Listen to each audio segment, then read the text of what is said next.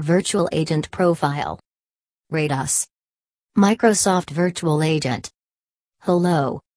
I'm the Microsoft Virtual Agent. I'd love to help you. Please briefly describe your issue below. WJBHLQWPQWP, B, Fuyuya I'm sorry, I didn't understand. It helps me when you name the product and briefly describe the issue. Or you can talk to a person. Talk to a person.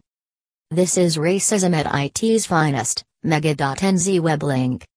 I'm sorry, I didn't understand. It helps me when you name the product and briefly describe the issue. Or you can talk to a person.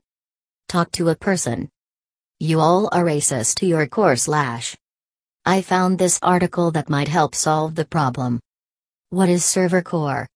Microsoft Docs.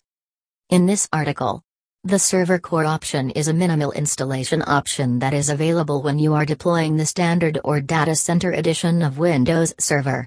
Server Core includes most but not all server roles. Server Core has a smaller disk footprint, and therefore a smaller attack surface due to a smaller code base. Read the full article. Did this solve your problem? Yes. No.